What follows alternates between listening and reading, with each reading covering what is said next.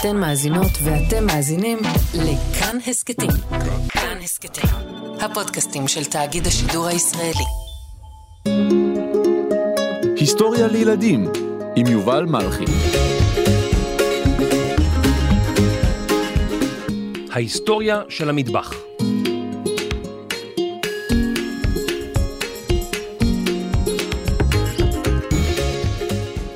שלום ילדים, השנה היא 1800. רק הרגע קמתי. אני רוצה לאכול ארוחת בוקר. וואי, אני רעב. רגע, אני, אני ארד לנהר להביא מים, אני, אני כבר חוזר, כבר חוזר. אוקיי, חיכיתם לי, יופי, חזרתי. אז אה, בואו נרתיח מים לקפה, אבל אני צריך להדליק מדורה, אז, אז רגע, אני הולך רגע לחטוף כמה עצים. אה, אני כבר חוזר, כבר חוזר. אוקיי, חזרתי, הדלקתי את המדורה, עכשיו אני רגע צריך לקטוש את הפולי קפה. אז אני כבר... וואו, כמה עבודה יש כאן במטבח שלי. רגע, אבל המטבח שלכם נראה אחרת לגמרי. תסתכלו מסביב. במטבח שלכם יש סירים, סכו"ם, צלחות, קערות, כוסות וספלים. ובכל מטבח היום יש מקרר, תנור, קיריים, מיקרוגל. ואל תשכחו את המגירה עם הכלים המגניבים.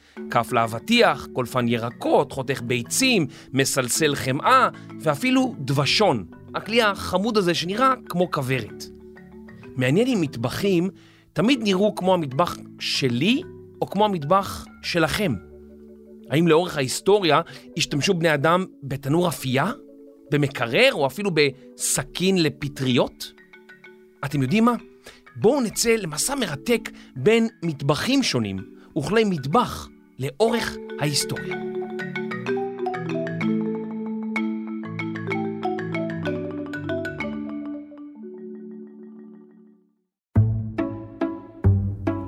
שלום ילדים, תגידו, אתם אוהבים את האדם הקדמון? כן, אמא, אנחנו מתים על האדם הקדמון. אתם רוצים לחיות כמוהו? לאכול בידיים ולא ללכת לבית הספר? כן, אמא, כן. יופי, אז היום נעשה לנו יום האדם הקדמון. איזה כיף, אמא, היום. מה אוכלים היום? אבא הלך לצוד, וכשהוא יחזור נאכל בשר צבי. בשר צבי? מה זה? לא מכיר את זה, זה טעים. אבל כמה זמן זה ייקח? מתי הוא יחזור? אני, אני ממש רעב. או, אני לא יודעת, אולי שלוש או ארבע שעות.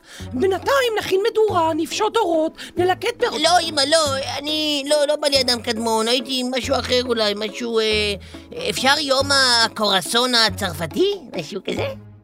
בולה בולה, אדם קדמון. נו, אמא, די, די מה זה, לא רוצה אדם קדמון, לא בא לי, לא. כאשר אנחנו חושבים על מטבח, עולה במוחנו חדר של ממש, אבל לתרבויות עתיקות שנדדו ממקום למקום לא היה בית, ולכן לא היה להם מטבח. הם התקינו מדורה ובישלו את האוכל שלהם בחוץ. כשירד גשם, הם העבירו את המדורה לתוך מערה. את המים הם הביאו מהנהר, אז כמובן שגם לא היו להם כיורים. לרוב הם היו יושבים סביב המדורה, מספרים סיפורים, מתכננים תוכניות, אבל לא היה להם מטבח או חדר אוכל.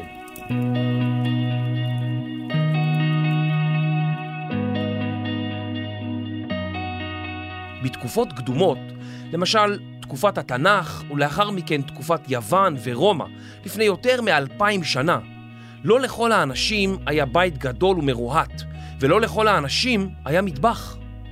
בדרך כלל, התנור היה באמצע הבית, והחום של התנור גם חימם את שאר הבית. בעת העתיקה גם בנו תנורי אבן או לבנים, בהם היו אופים לחם. בספרות היהודית, למשל במשנה, מתוארים כלי מטבח שונים, שבהם בישלו, כמו קדרה או אילפס, וכלים שאליהם העבירו את האוכל, קערה או תמחוי. כאשר קבוצת אנשים גדולה נאלצה לנוע ממקום למקום, למשל הצבא הרומי, היו להם תנורים ניידים מברזל, שדמו לגריל הקטן שאנחנו לוקחים לפיקניק. למעמד העליון או לעשירים של אותה התקופה היו משרתים, ובדרך כלל היה להם בבית או מחוצה לו חדר שלם בו בישלו מזון. זה היה המטבח שלהם, אבל הוא לא דמה בכלל למטבח של ימינו. בעת העתיקה, כאשר החלו לבנות בתים של ממש, היה המטבח חדר מקורה, שנבנה בצד החיצוני של הבית, או סמוך לחדרי המשרתים, אם היו כאלו. הסיבה למיקום המטבח היא שכל העשן מהבישול נשאר בתוך הבית. כיוון שאנשים לא רצו שכל הבית יסריח מעשן, או שהם יוכלו לנשום, המטבח היה נפרד כמה שיותר מהחדרים הפנימיים. בטירות ובמנזרים, המטבחים נבנו בתור מבנה נפרד לחלוטין, שרק מי שצריך להיות בו הולך אליו. אז התנור עזר לבישול וגם חימם את הבית, אבל אז הגיע חידוש ששינה את פני המטבח לעולם, הערובה. ערובה היא פתח ליציאת עשן, שלמעשה נבנית לאורך הקיר החיצוני של הבית. זאת אומרת, מין מלבן שמתחיל בגובה החדרים ועולה עד הגג. פתח הערובה היה בתוך הבית עצמו, דרך חור בקיר, והוא אפשר לעשן לצאת החוצה במקום לחנוק את דיירי הבית. כאשר הומצאה הערובה הביתית, מקור האש הועבר מהמרכז לקיר צדדי, שם נבנה אח מלבנים, ובתוכו נבנה מוט לסירים, שאפשר היה להזיז מעלה ומטה. כאשר הורידו את המוט למטה, הטמפרטורה גברה, וכך בישלו. וכשרצו רק לשמור על האוכל חם, או לבשל באיטיות, העלו את המוט למעלה. הנה, יש לנו פה כזה תנור שבנינו ככה במיוחד בשביל התוכנית, ובאמת אפשר לראות את התנור הזה, הוא מין חצי עיגול כזה, ויש פה ממש את המוט, ויש פה בפנים, וואו, מה מתבשל פה, וואו, מישהו עשה פה תבשיל מדהים. רגע, בוא נריח אותם. וואו, מה זה הריח הזה? וואו, בחיים לא טעמתי משהו כזה. וואי, אני חייב לטעום את זה. טוב, אז, אז בואו נבשל את זה טיפה יותר מהר. הנה, אני לוקח את המוט, ואני מוריד... איי, זה חם! אך! אוי, הכל נשפך פה! אוי, למה לא אמרתם לי שזה חם? אני, אני לא ידעתי, חשבתי שזה מה... לא, זה ברזל עתיק, הוא חם נורא. אוח, כל הדבר הזה נשפך פה על התנור. אוי, אני כבר לא אטעם את התבשיל הטעים הזה. אתם יכולים אולי לעשות את זה עוד פעם? בבקשה? אתם יכולים? עוד פעם? אני, אני לא אגע הפעם, לא אגע, אני, אני מבטיח, מבטיח. באותה התקופה לא היו ארונות מטבח כפי שיש לכל אחד ואחת מכם, ולכן כלי המטבח נתלו על הקיר. לאנשים לא היו הרבה כלי מטבח, אולי רק סיר, מחבת, כף עץ לערבוב, כלי הגשה וכמה כוסות או צלחות מפח. וזהו. המהפכה התעשייתית של אנגליה, שהחלה במאה ה-18, הביאה לחידושים רבים, ביניהם חידושים טכנולוגיים ששינו את מבנה המטבח. באותן שנים המציאו שיטות חדשות ליציקת ברזל, שממנו נבנו תנורים. התנורים החלו להיות מיוצרים בייצור המוני, ומחירם הפך זול יותר.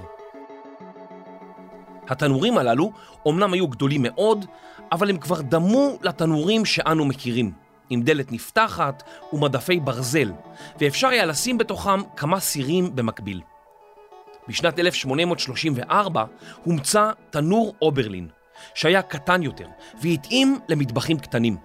הוא דמה לאח קטן מברזל שהתחמם מאוד ועליו הניחו כלי ברזל לבישול. האוברלין היה להצלחה מסחררת, אבל עדיין היה צריך לקושש עצים, להדליק אותם ולייצר אש כדי לבשל.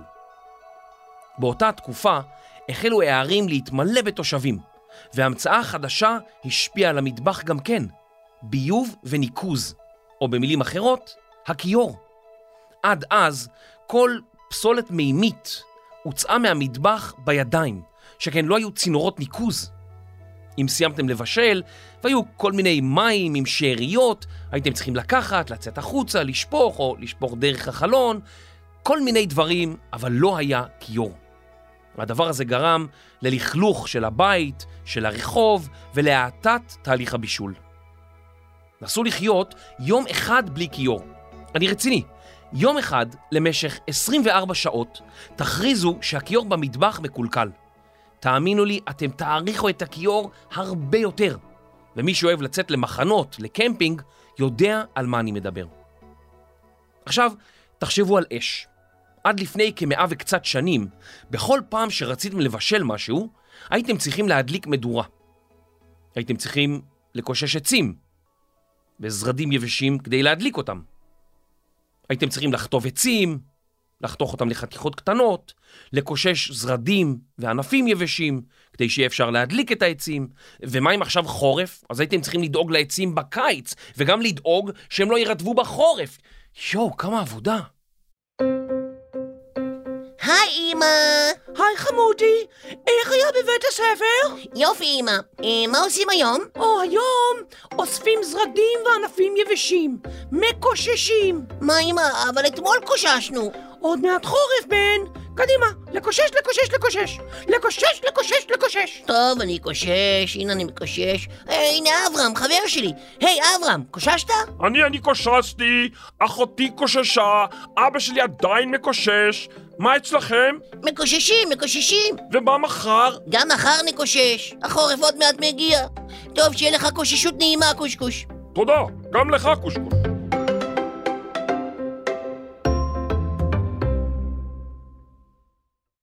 לפני כ-150 שנה החלו ממציאים לבנות מכשירים הפועלים על גז וחשמל.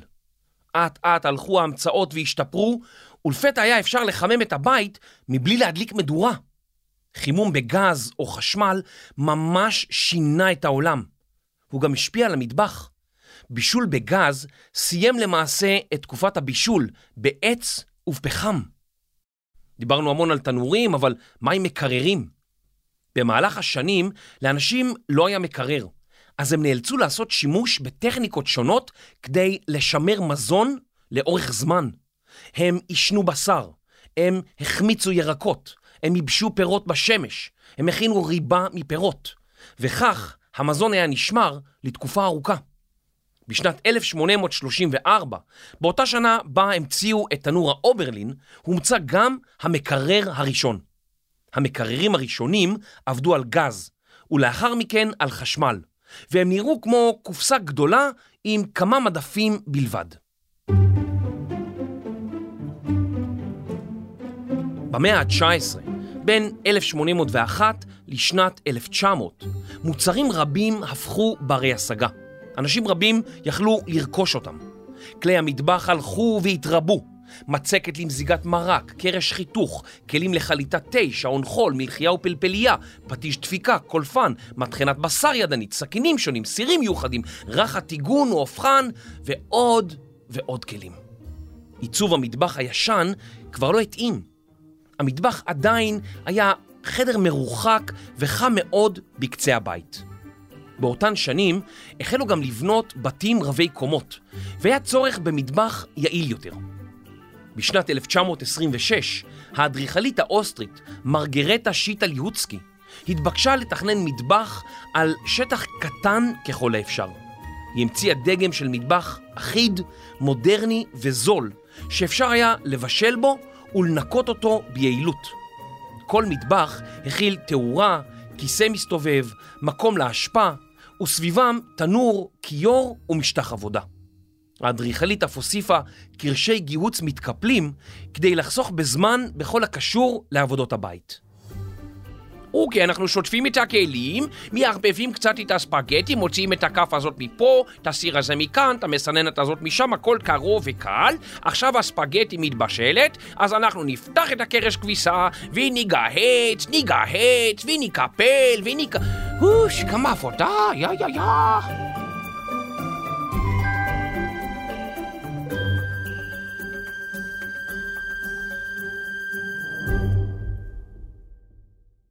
הרעיון של מרגרטה היה שכפי שטייס חייב לתפקד בסביבה קטנה תחת לחץ זמן, כך יש לעצב מטבחים. הכל נמצא בהישג יד ובמקומות קבועים. אמנם עיצוב המטבח השתנה במהלך השנים, אבל הוא נשאר דומה לתכנון המקורי של מרגרטה האדריכלית. עד היום, בכל מטבח יש מים קרים וחמים, מקרר, תנור, קיריים, כיור, משטח עבודה, ארונות ומגירות.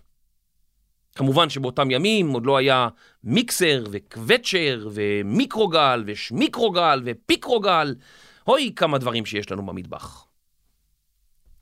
לפני כמה עשרות שנים המטבח שוב השתנה. במקום חדר מבודד הוא הפך למטבח פתוח, מכמה סיבות. האחת, היכולת לקרר כל חדר בנפרד.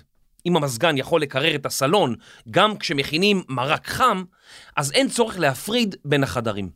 בנוסף, כשההורים מבשלים, הם יכולים להשגיח על הילדים. ודבר אחרון, היום הבישול הוא סוג של אומנות, ונחמד שכל המשפחה מבשלת יחד, ואפילו האורחים יכולים להשתתף בחגיגה. במטבח שלנו יש כמה כלים מאוד חשובים. סירים, סכו"ם, צלחת וכוס. ארכיאולוגים גילו סירים בני כ-20 אלף שנה. הם היו עשויים מחרס ורובם בעלי ידית. כיוון שנתגלו עליהם סימני אש, הארכיאולוגים הסיקו שהם שימשו לבישול מזון. החל מהתקופה הרומית, סביב המאה הראשונה לפני הספירה, משנת 100 לפני הספירה עד שנת 0, החלו להכין סירים ממתכת, כיוון שהולכת החום של המתכת גרמה לבישול אחיד בסיר.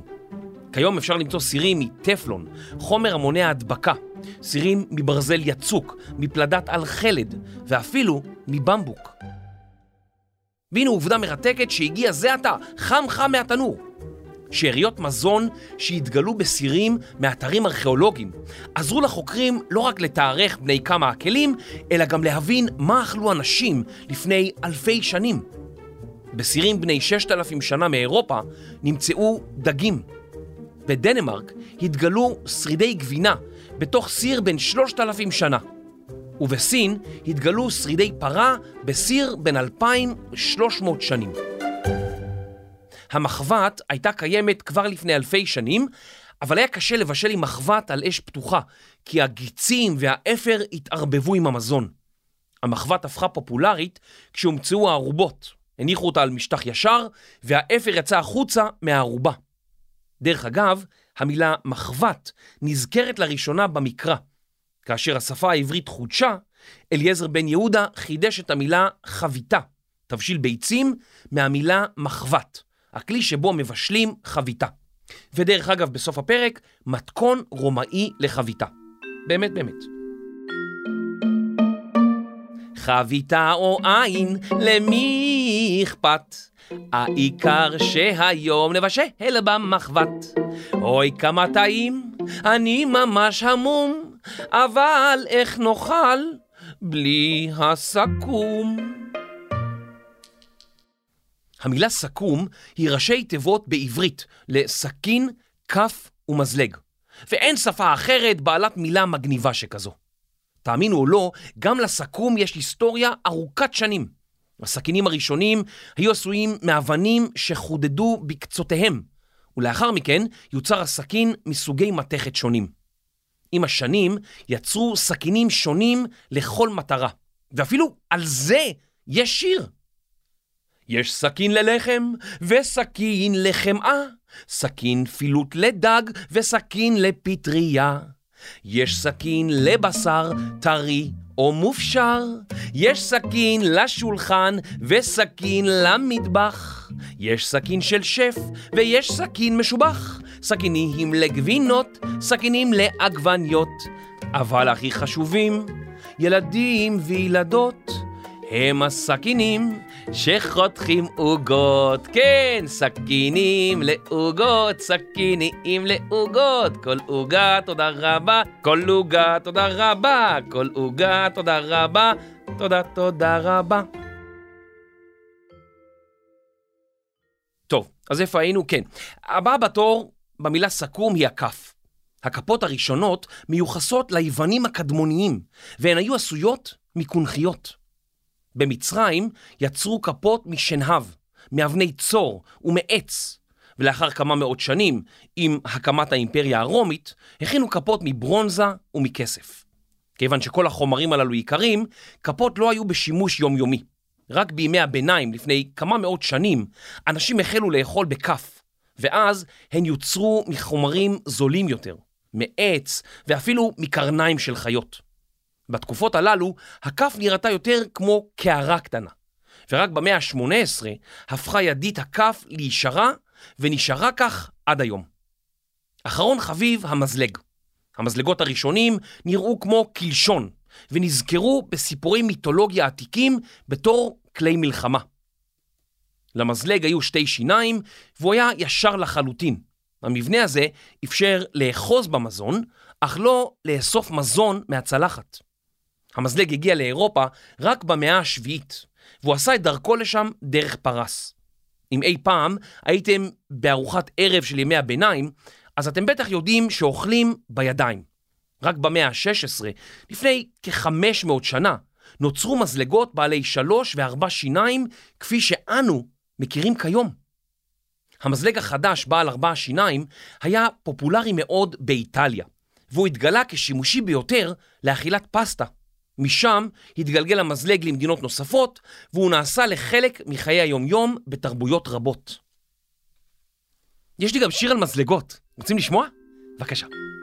יש מזלג אספרגוס ומזלג לבשר, מזלג לפירות, קטן וישר. יש מזלג לגבינות וגם לקינוחים, מזלג לדגים ומזלג לנקניקים. יש מזלג לפונדו, מזלג לזיתים, מזלג לספגטים. והכי הכי חשוב, חשוב מאוד מאוד, זהו המזלג, מזלג של עוגות, מזלג לעוגות, מזלג לעוגות.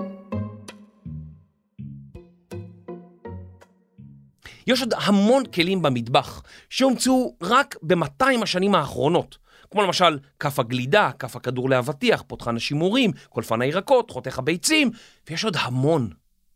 מעניין איך יראה המטבח בעוד 50 או 100 שנים. האם הכל כבר יהיה אוטומטי? האם רובוטים יכינו לנו אוכל ויביאו אותו לשולחן? והאם הרובוטים הללו יאמרו לנו, אם לא תגמור מהצלחת, לא תקבל קינוח. לא, אני לא חושב. ולסיום, כמו שהבטחתי לכם, יש לי גם מתכון רומאי סודי, במיוחד בשבילכם לנסות בבית. הנה, אני אפתח את הספר הרומאי העתיק הזה. אה, הכל מלא פה אבק. רגע. אוקיי, יש פה מתכון שנקרא חביתת דבש וחלב.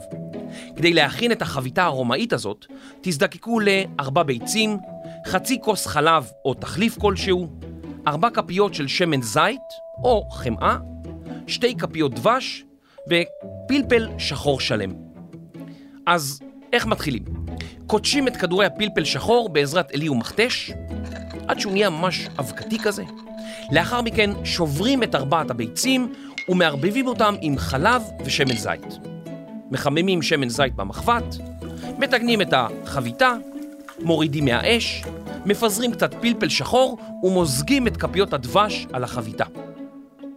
אתם יכולים להתנסות במתכון הזה, פעם לפזר קצת יותר פלפל שחור ופחות דבש, פעם קצת פחות פלפל שחור ויותר דבש, ואולי איכשהו זה גם יהיה טעים. אז אם הכנתם את זה בבית, שילחו לנו תמונות וספרו לנו, טעים או לא טעים? זאת השאלה. בתיאבון.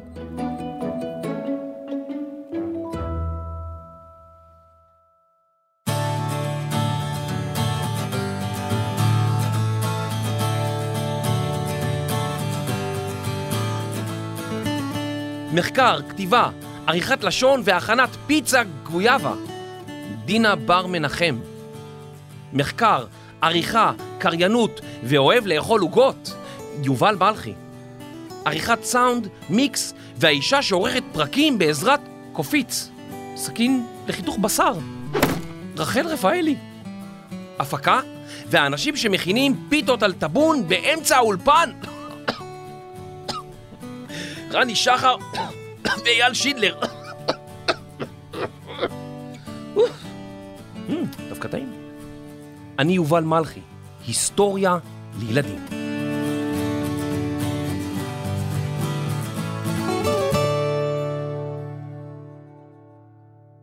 הורים וילדים יקרים, פרקים נוספים של היסטוריה לילדים ניתן למצוא באתר כאן, ביישומון כאן וגם ביישומון כאן ברכב. נשמח אם תספרו לחברים ולמורים שלכם על ההסכת הזה. אם אתם אוהבים את ההסכת היסטוריה לילדים, אז דרגו אותנו באפליקציית הפודקאסטים של אפל. ואם אתם רוצים לדבר איתנו, הצטרפו לקבוצת היסטוריה לילדים בטלגרם. תודה.